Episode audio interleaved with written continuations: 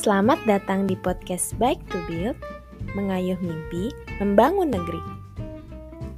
Diinisiasi oleh gerakan turun tangan, kami akan mengajak para pendengar untuk mendalami budaya bersepeda di Indonesia dan bersama-sama menciptakan perubahan untuk Indonesia yang lebih berdaya.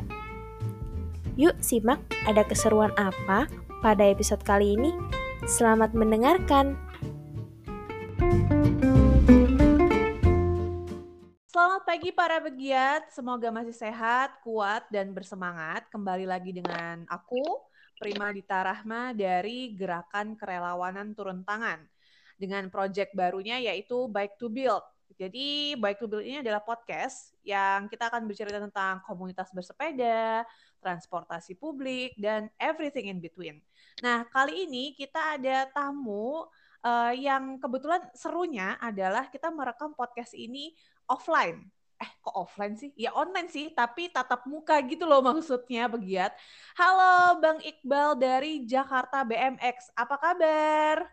Baik Mbak, selamat pagi. Selamat pagi, bener ya. Ini masih pagi, walaupun udah jam berapa ini ya. Udah mulai senja kalau orang anak zaman sekarang bilangnya. Nah, uh, tadi eh gimana nih ceritain dulu sepedaan dari Menteng atas ke Pasar Minggu pakai sepeda BMX. Uh, uh, aku aku penasaran deh, seberapa jarak terjauh yang pernah ditempuh oleh uh, Bang Iqbal dengan sepedanya ini? Kalau tadi sih sepedaan dari Menteng atas ke Pasar Minggu itu nggak terlalu jauh ya. Tadi saya sebelum berangkat saya cek Google Maps itu cuma 12 kilo ya dan jalannya kan nggak terlalu nanjak atau gimana jadi saya naik sepeda aja uh, uh. terus kalau seberapa jauh saya pernah sepedahan itu paling jauh itu dulu waktu kita habis main di Parung ya ada skate park oh, gitu uh, ada skate park di komplek Kahuripan namanya itu ada skate park di situ pulangnya kita goes dari Parung ke rumah. Waktu itu rumah saya masih di Johar, Johar Baru. Jadi nggak tahu ya berapa. Johar Baru di Jakarta Pusat di Salemba masuk lagi itu. Oke. Okay. Uh, dari paling jauh sih gitu sih, nggak ini. Soalnya kalau uh, kalau kita kan emang sebenarnya bukan jauh-jauhan ya mainnya ya kalau BMX itu. Tapi ya kalau goes sih paling jauh ya ke situ. Dari eh, dari Parung ke rumah ke Johar Baru. I see. Tapi nanti pulangnya 12 kilo lagi. Siap-siap uh, ya. Iya, itu sebenarnya nggak jauh sih. Maksudnya kalau kalau untung mungkin untuk orang yang nggak terbiasa bersepeda 12 kilo kelihatannya jauh, tapi enggak sih. Lagian juga kan saya juga kan tadi berangkat emang nggak buru-buru ya, jadi jalan santai dan nggak sama sekali nggak melelahkan sih sebetulnya. Oke, nah tapi uh, tadi ngomongnya kalau BMX itu bukan main jauh. Nah mm biasanya kalau BMX tuh main apa nih? Oke, nah jadi kalau BMX itu kan kalau kita uh, kalau kita mau pembahasan dari namanya ya, BMX itu ke, uh, singkatan dari bicycle motor cross. MX itu biasa dinya motor cross gitu kan. Jadi bicycle motor cross. Uh, itu dari sisi etimologinya ya. Kalau BMX itu sendiri secara sejarah itu ada dua ada dua versi nih, versi Eropa sama versi Amerika. Jadi kalau versi Amerika itu BMX itu berawal dari anak-anak kecil yang main sepeda balap-balap eh versi Amerika, sorry, versi Eropa itu mulainya itu berawal di tahun 1930-an. Jadi ada anak-anak kecil, anak-anak muda yang main sepeda di lintasan tanah. Jadi mereka balapan di lintasan tanah. Itu versi Eropa, itu tahun 1930-an. Ada lagi versi Amerika nih. Kalau versi Amerika BMX itu awalnya anak-anak kecil pada tahun 1960-an akhir, 1970-an mereka ingin niruin pembalap motor cross. Pembalap motor cross yang pakai motor. Jadi mereka tuh pengen niruin tuh, pengen niruin. Akhirnya mereka uh, mainlah sepeda di lintasan tanah, pakai sepeda.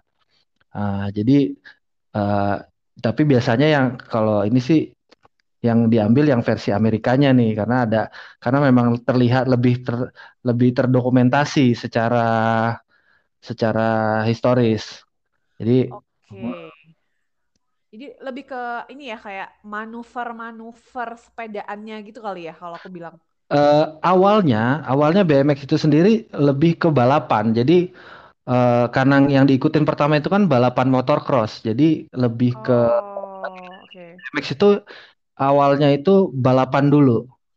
Balapan terus terus berkembang, balapan itu mulai terorganisir, terus nanti dari balapan itu ada lagi dari balapan ada lagi berkembang lagi jadi BMX freestyle.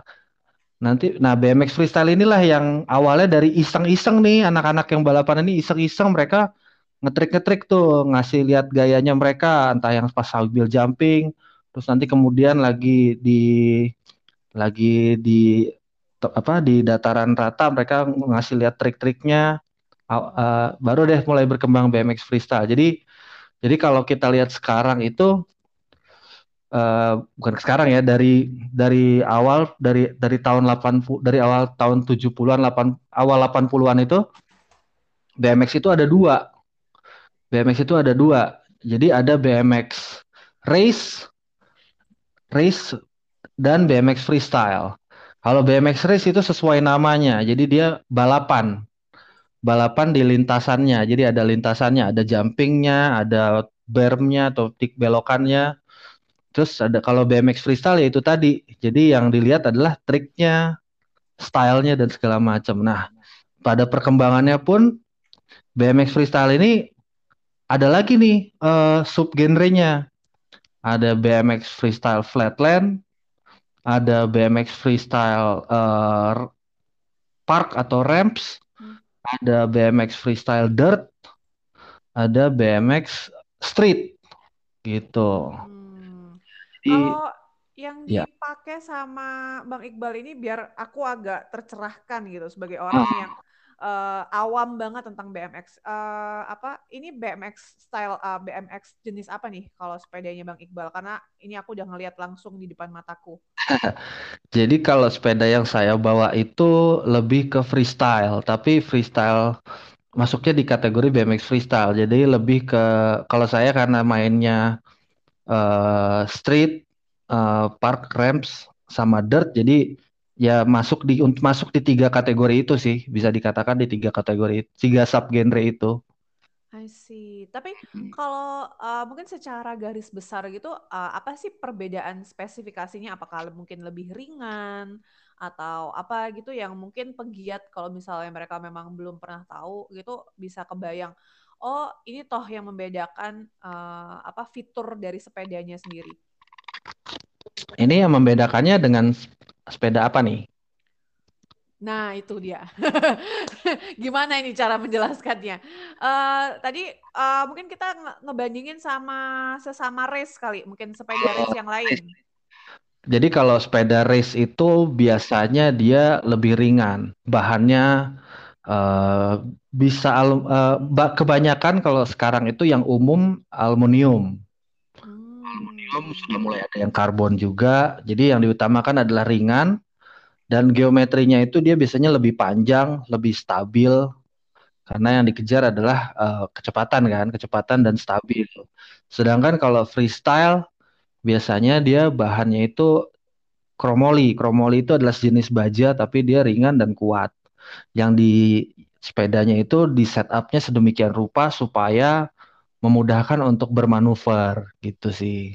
Ah, oke. Nah, Per tapi trik.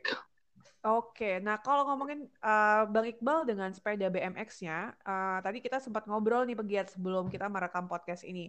Uh, aku me- mendapatkan uh, mendapatkan kesan kalau Bang Iqbal ini termasuk senior di Jakarta BMX atau per BMX-an. Kalau Bang Iqbal sendiri kenal sepeda BMX ini dari umur berapa ya? Kalau kenal BMX mungkin dari kecil ya dari ya dari S dari TK lah ya bisa naik sepeda itu sepeda pertama saya sepeda BMX tapi untuk main BMX yang bener dengan sepeda yang proper itu mulai dari tahun 2000 Tahun 2000 itu saya umur berapa ya? 15. Ah, oke. 15. Tahun 2000 nggak salah nih. Kita udah sekarang tahun 2021. Iya. Wow, Jadi, jadi silakan dihitung aja umurnya berapa. luar biasa sekali dan setia di jalur BMX. Iya, sempet sih main sepeda lain juga, tapi memang yang yang lebih appeal ke saya adalah BMX gitu loh. Maksudnya udah kecemplung cukup dalam dan BMX ini udah jadi mata pencarian juga. Jadi ya ya udah gitu. Jadi tetap di BMX lah, BMX Oke. or die. Waduh, oke baiklah. Luar biasa itu dapat eh, narasumber yang eh, termasuk militan di bidangnya pegiat. Nah, eh, ngomongin tentang Jakarta BMX. Nah, mungkin bisa ceritakan dong sejarah komunitas ini berdiri, terus kemudian eh, apa eh, aktivitasnya pra pandemi dan sekarang pandemi. Oke, jadi Jakarta BMX ini sebetulnya berangkat dari eh, saya tuh saya dan teman-teman tuh ngelihat bahwa di BMX di Jakarta ini anak BMX tuh banyak loh. Ada tongkrongan sini, sana, sini. Maksudnya Jakarta kan luas ya. Ya. Kalau eh, kalau kita kalau dulu tuh zaman kita ngumpul di Senayan atau di Duku Atas itu dari mana-mana ngumpul. Dari selatan, utara, timur, barat, eh, pusat ngumpul di situ. Tapi kita nggak ada nggak ada satu wadah yang emang eh, wah ini, ini anak Jakarta loh gitu. Nah, jadilah kita bikin Jakarta BMX itu supaya kita lebih terorganize saja, tapi tidak dalam ranah yang resmi banget atau kaku lah gitu istilahnya. Kalau untuk yang kaku-kaku gitu kita ada yang lain gitu. Apa tuh yang lain? Uh, kita ada juga Asosiasi BMX Indonesia DKI Jakarta itu. Jadi kita memang organisasi yang punya badan hukum di bawah naungan uh, Asosiasi BMX Indonesia gitu loh. Ah, I see. Nah, Kalau yang Jakarta BMX-nya sendiri itu yang lebih santai, nggak nggak nggak terlalu ribet, tapi lebih ke kita wadah kita untuk menyebar informasi, ma- untuk bikin kegiatan, kegiatan-kegiatan yang ya yang sifatnya mungkin lebih ke DIY ya, lebih underground, lebih DIY gitu sih. Oke. Nah, tapi kalau dilihat dari misalnya nih ada anggota baru, eh, tadi katanya sih eh, di Jakarta BMX tuh nggak ada anggota, tapi eh, biasanya mungkin ada semacam eh, word of mouth atau oh kalau mau gabung itu gabungnya ke Jakarta BMX atau ke Asosiasi BMX Indonesia itu ya?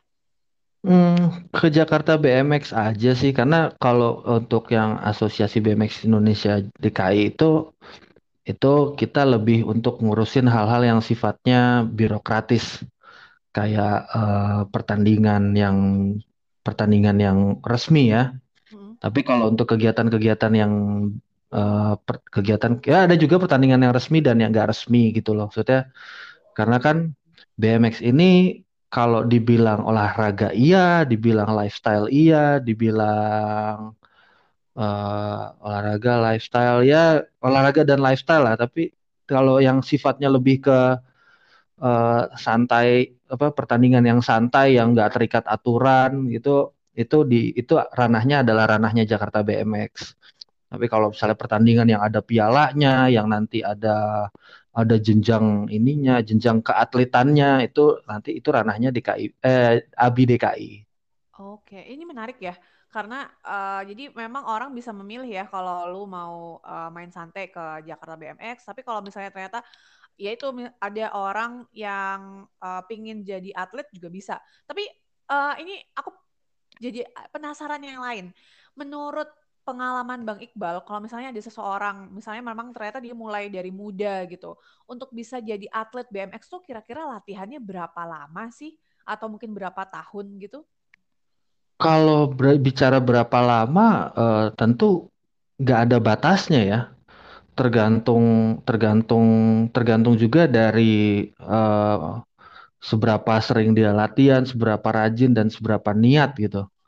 Eh, karena BMX ini triknya berkembang terus, berkembang terus dan uh, setiap har setiap saat itu pasti selalu ada aja uh, orang yang uh, bikin trik baru gitu loh. Kalaupun nggak trik baru, trik yang udah ada tapi dilakukan di obstacle yang berbeda itu juga hasilnya berbeda. Jadi kalau dibilang berapa lama nggak ada batasnya.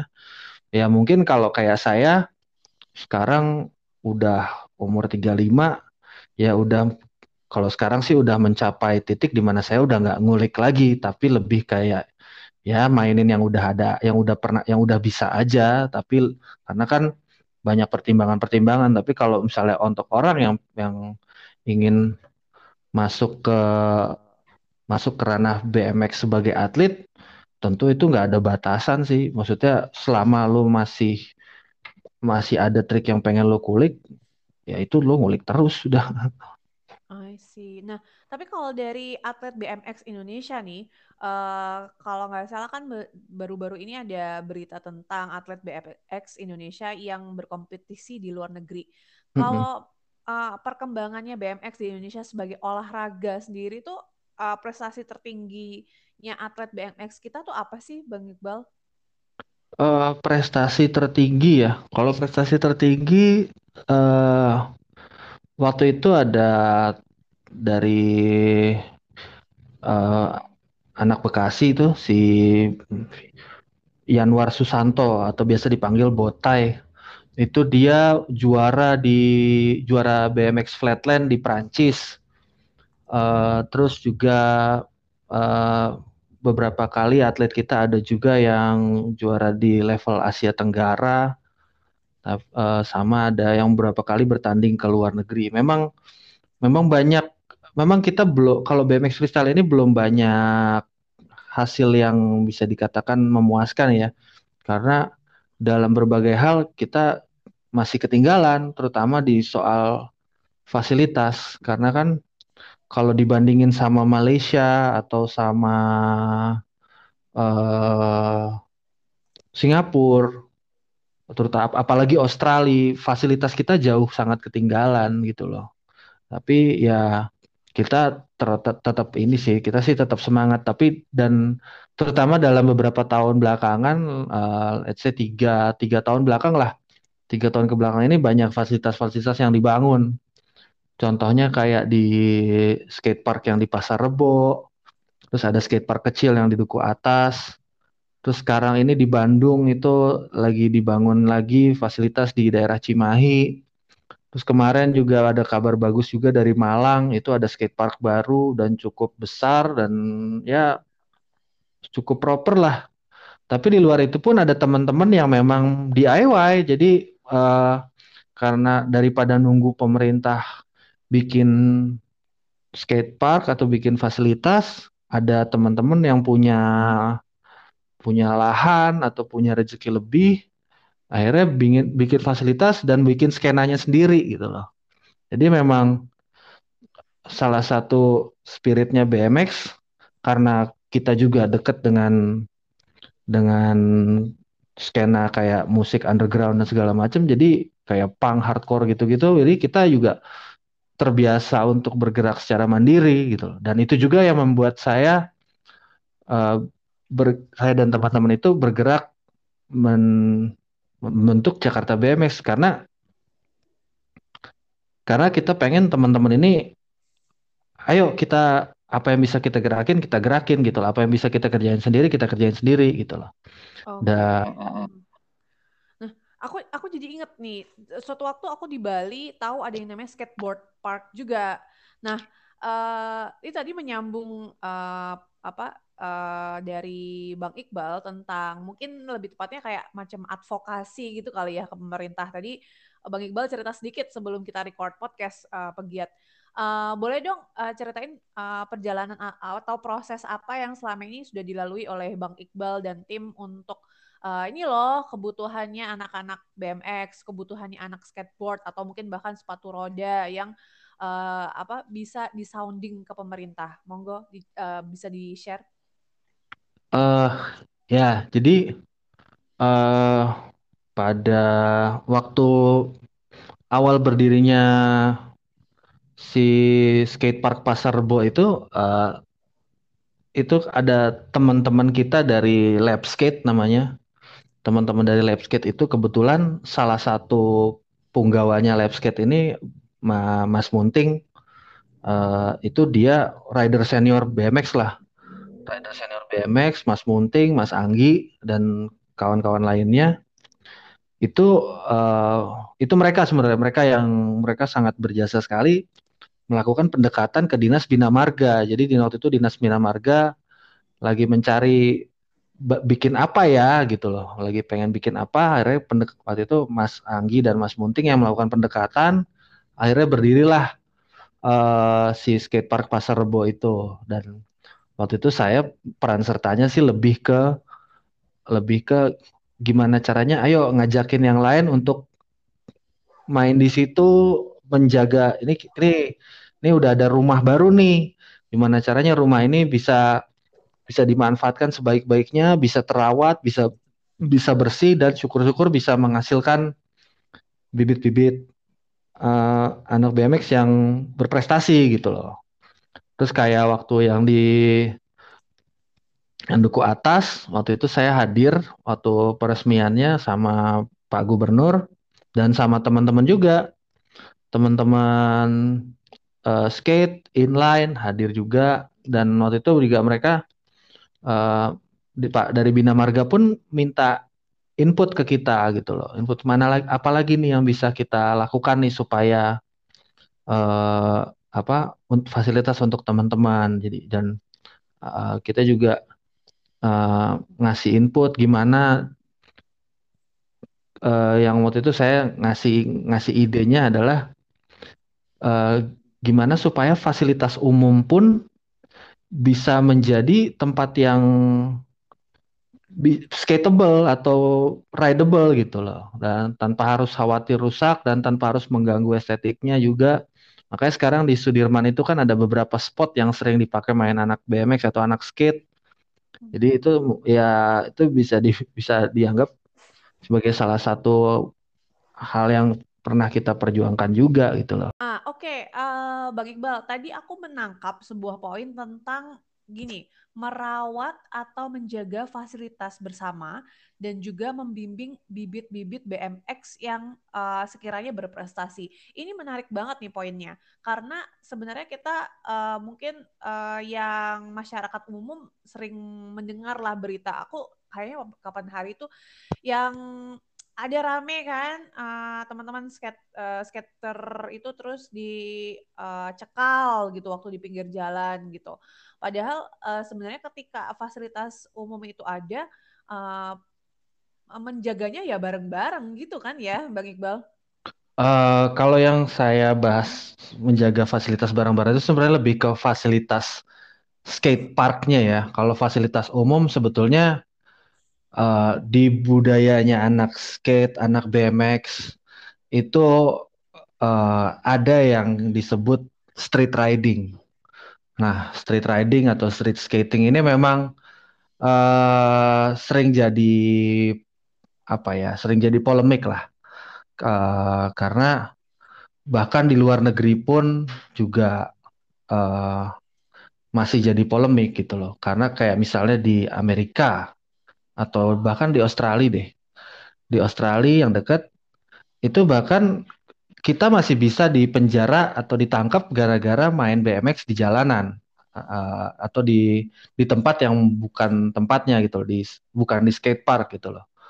Uh, dan dan itu satu hal yang gue pribadi nggak nggak bertent nggak itu nggak itu gue nggak nggak masalah gitu loh. Karena memang itu adalah bagian dari BMX dan itu adalah uh, bagian dari BMX dan gue nggak mau terlalu pusing karena gue bahkan masih courage untuk street riding gitu loh. Dan memang street riding itu sendiri juga uh, ya bisa dibilang karena kita main tidak pada fasilitasnya jadi sering kali dianggap vandalisme gitu loh sering dan memang pada kenyataannya memang ya agak merusak lah jadi kalau tapi it's part of our culture dan uh, it's, itulah yang bikin kita uh, itulah yang bikin kita keren gitu loh. uh, ya mak apa namanya ya udah akhirnya kalau kalau masalah kalau masalah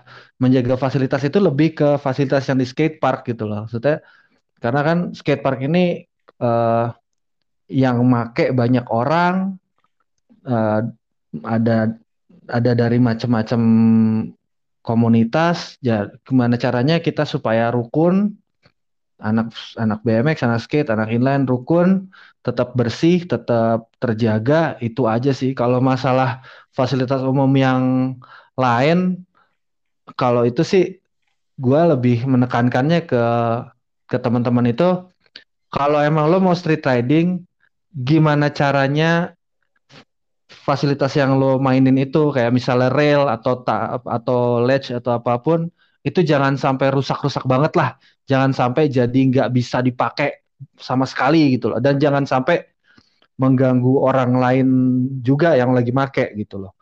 Kayak jadi kalau sayang juga say uh, kalau sampai rusak juga sayang karena terus nggak bisa iya. dipakai lagi sama bahkan sama uh, street rider atau street skater juga nggak bisa dipakai lagi kan gitu ya iya jadi gimana caranya kalau emang lo mau main di street spot jangan sampai rusak gitu aja. Uh, jadi makanya selalu bilang lo kalau mau ngulik jangan di jangan di streetnya, tapi lo ngulik di skate park. Nanti ketika lo udah cukup bisa, cukup mahir, lo baru hajar yang di streetnya, entah itu buat keperluan video atau whatever gitu kan.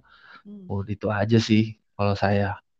Ah, oke. Okay. Nah, ini dia yang uh, tadi poin yang berikutnya yang aku tangkap adalah membimbing bibit-bibit BMX yang berprestasi. Tadi sebenarnya aku sudah sempat nanya kan tentang atlet BMX, tapi sekarang mungkin um, lebih kepada prosesnya gitu. Kalau misalnya ada seseorang yang ingin uh, benar-benar jadi atlet BMX, apa nih yang uh, bisa Bang Iqbal sarankan buat dia uh, step by stepnya? Hmm, step by stepnya ya. Ya kalau prestasi ini kita banyak sebenarnya di BMX ini juga banyak ranah prestasi dalam artian gini. Lo prestasi yang sifatnya keatletan atau mungkin prestasi yang memberikan lo benefit let's say secara finansial gitu. Karena kita ini zaman sekarang udah berubah. Jadi ketika lo pengen mencari mendapatkan benefit dari BMX itu nggak melulu hanya sekedar jago, tapi lu juga harus marketable gitu loh.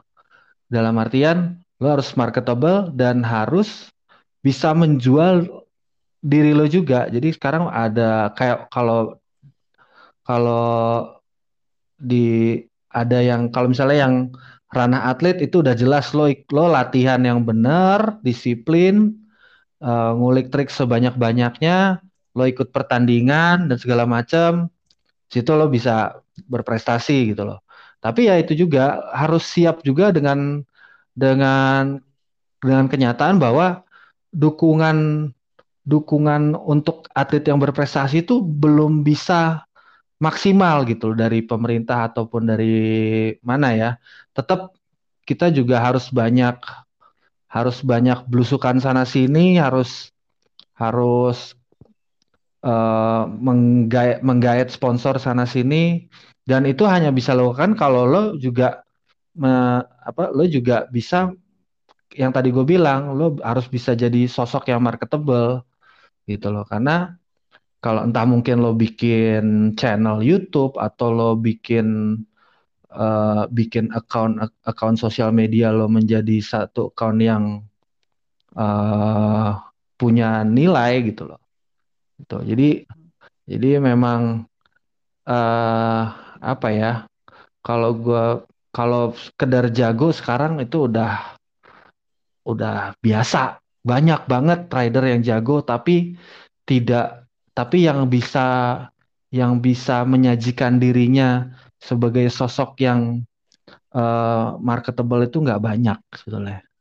I see. Nah, ini uh, mungkin ada pada titik beratnya adalah bagaimana sebenarnya uh, teman-teman riders atau teman-teman skaters kalau misalnya kita uh, membahas secara umum pinter pinter-pinter cari platform atau pinter-pinter cari channel yeah. Untuk mereka uh, menjangkau masyarakat yang lebih luas buat kenalan sama mereka atau bahkan calon-calon sponsor atau potensial sponsor. Termasuk mungkin salah satunya adalah berbagi di podcast ini misalnya. Iya. aku juga jual aku juga jualan channelku. nah, uh, mungkin selanjutnya nah, ini uh, pertanyaan berikutnya. Uh, sebenarnya ada nggak sih cewek yang terlibat secara intens di dunia per BMX-an terutama di Indonesia atau mungkin spesifik lagi di Jakarta BMX gitu. Soalnya uh, kalau yang sejauh yang aku tahu, uh, correct me if I'm wrong, BMX itu didominasi oleh cowok walaupun aku juga sering baca berita kalau di luar negeri atlet BMX cewek juga ada gitu. Nah, gimana sih kalau misalnya uh, atlet BMX cewek atau nggak harus atlet lah, uh, anak BMX cewek di Indonesia? Di Jakarta terutama belum. Belum ada. Itu itu maksudnya yang berminat, yang pengen ikut, entah mungkin dia tadinya ngikut ngelihat saudaranya atau mungkin ngelihat pacarnya atau pengen ikut gabung. Kalau sekedar ikut gabung goes-goes atau nongkrong banyak ya. Cuma kalau yang untuk bener-bener main BMX secara serius belum ada sih ya. Gue juga nggak ngerti penyebabnya kenapa.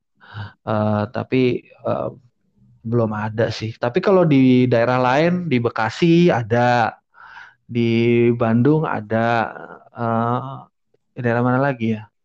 Dulu sempat anak anak Solo tuh ada, tapi mungkin anak Surabaya dulu juga ada, tapi uh, banyak yang ngilang aja gitu. Mungkin karena memang nggak banyak kali ya. Tapi kita sendiri juga sebetulnya sangat welcome gitu loh ketika ada ada cewek yang ingin ingin main BMX entah itu dia main serius atau ya sekedar untuk fun atau sekedar untuk cari keringat aja juga nggak masalah gitu loh. Itu sangat welcome sebetulnya. Ya mungkin habis ini aku. Siapa tahu. ya aku belajar dulu lah dari Bang Iqbal. Nah, uh, next event atau mungkin oke okay, karena sekarang masa pandemi gitu. Apa sih uh, program-programnya Jakarta BMX yang mungkin dijadikan virtual atau sebenarnya masih ada harapan atau mungkin rencana di tahun depan atau sebenarnya ada rencana-rencana dari Jakarta BMX yang masih terpending. Boleh diceritain Bang Iqbal? Oke, okay. kalau uh, kalau agenda Jakarta BMX yang rutin itu paling untuk akhir untuk akhir tahun ya. Untuk akhir tahun itu kita ada yang nama kita selalu ngadain Les Sunday Ride. Jadi Les Sunday Ride adalah kita uh, rame-ramean, sepedahan bareng nanti sambil cek spot. Itu itu di hari Minggu terakhir di setiap tahun. Jadi hari Minggu terakhir itu kita ngumpul sekalian silaturahmi juga sambil ya persiapan untuk tahun berikut lah.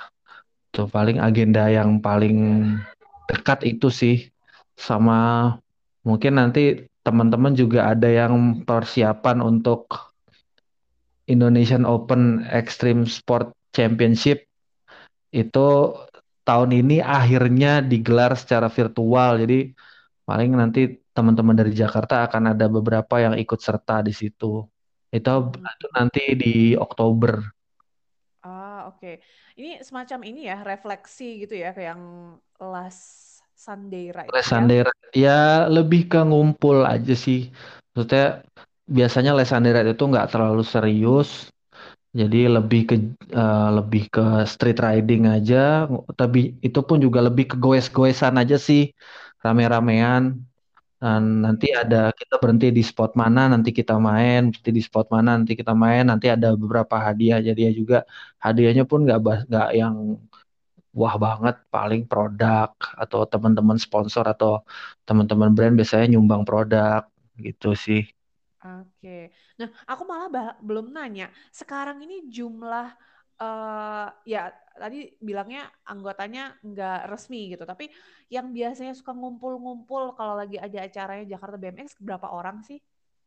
Uh, kita pernah paling rame itu sekitar lima ratusan lebih kali ya, lima ratusan lebih. sejakarta. Sejakarta ditambah lagi mungkin di Jakarta dan ada teman-teman juga dari Tangerang biasanya gabung, dari Depok gabung, Bekasi gabung, kan dari komunitas sepeda lain beberapa ada anak fix gear anak anak MTB juga ada yang ikut iya segituan. Ya 500 lah itu yang itu yang kelihatan. Tapi kalau anak BMX itu juga kan ada juga yang emang dia yang nggak pernah ke nggak pernah jauh-jauh mainnya. Atau let's say dia main di tongkrongannya aja. Itu Hmm. banyak juga dan itu ya itu biasanya yang sama kita nggak ke track nggak nggak bisa kita nggak kelacak tuh. Dan kadang-kadang mungkin uh, dia nong nongolnya di sosial media doang. Atau nggak misalnya kadang-kadang kan di akunnya Jakarta BMX itu uh, mereka suka ngetek mereka ini anak siapa ini? Dia nggak pernah gue nggak pernah lihat dia nih. Tapi dia tapi dia bikin video ngepost di Instagram tapi ngetek Jakarta BMX gitu loh. Oh ada ternyata. Jadi banyak juga yang kayak gitu. Atau mungkin yang ya emang kayak entusias aja. Jadi dia mungkin udah nggak aktif main tapi masih punya sepeda masih suka goes-goes kadang-kadang kalau lagi goes ke mana foto sepedanya ngetek Jakarta BMX juga banyak sih. Banyak. Wah menarik. Aku soalnya lagi ngeliat kalau di Instagramnya Jakarta BMX ini kalau ngeliat foto-fotonya sih rame banget pegiat. Termasuk kayak misalnya Indonesia BMX Scene uh, talk show ya waktu itu masih Maret uh, 2021 terus kemudian ada acara uh, Jakarta BMX Real Sharing. BMX berbagi adalah acara lanjutan dari poser Bookber hmm. jadi ternyata acaranya bukan hanya main BMX-nya aja ya? Ya. Ya ya kita juga uh, kadang-kadang ada beberapa kegiatan kita yang insidental kayak waktu habis ada waktu itu bencana di mana ya? Lupa. Uh, itu kita juga bikin apa bikin semacam charity gitu. Nanti dari hasil charity itu kita sumbangin ke yang perlu. Kayak uh, acara bookber itu kita juga selalu jadi charity sih. Uh, jadi kita bikin jam session nanti anak-anak main sambil ngumpulin sumbangan ada mungkin ada ya segala macam lah sumbangan. Bisa uang bisa barang atau apa pun. Nanti kita nanti pas udah kekumpul nanti kita sumbangin waktu itu pernah kita bawa ke panti asuhan itu juga hmm. oh. Nah ini sebenarnya sejalan juga sama Bike to Build itu sendiri, yaitu mengayuh mimpi membangun negeri. Jadi sebenarnya uh, bisa dibilang walaupun judulnya kumpul-kumpul, at the end itu menjadi produktif pegiat karena dari situ muncul ide untuk membantu, ide untuk berbagi, bahkan ide untuk itu tadi lah ya, uh, eventually mengharumkan nama bangsa melalui jadi atlet BMX. Nah, uh, mungkin karena kita sudah sampai di penghujung uh, pertanyaan, uh, ada lagi nih uh, closing statement atau harapan-harapan yang mau disampaikan uh, oleh Bang Iqbal. Siapa tahu ada uh, siapa yang bisa yang mendengarkan podcast ini dan bisa menyampaikan aspirasinya Jakarta BMX ke pihak-pihak terkait. Silakan.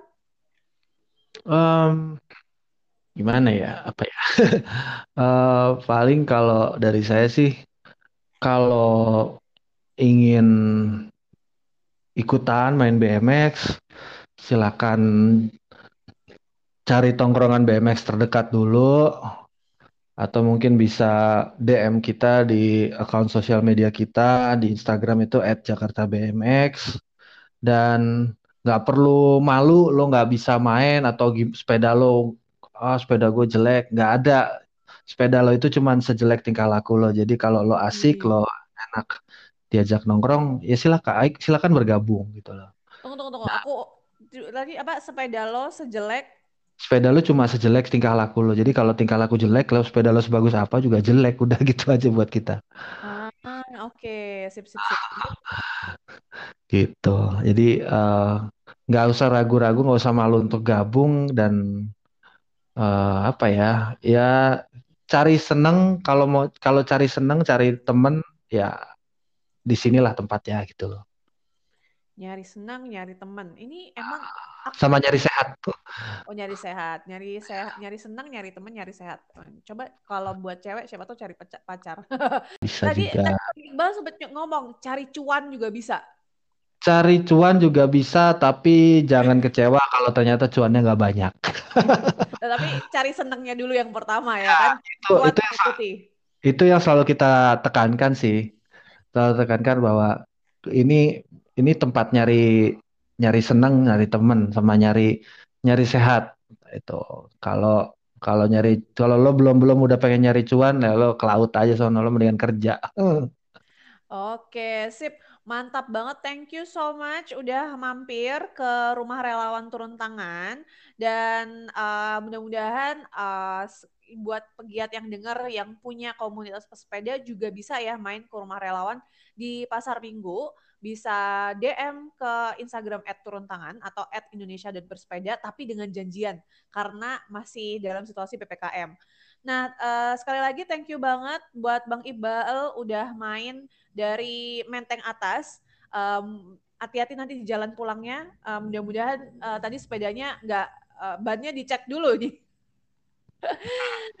Oke, terima kasih buat uh, pegiat yang sudah menyimak. Sampai jumpa di podcast berikutnya.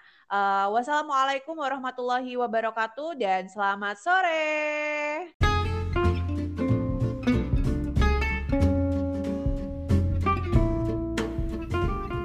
Terima kasih sudah mendengarkan podcast kami.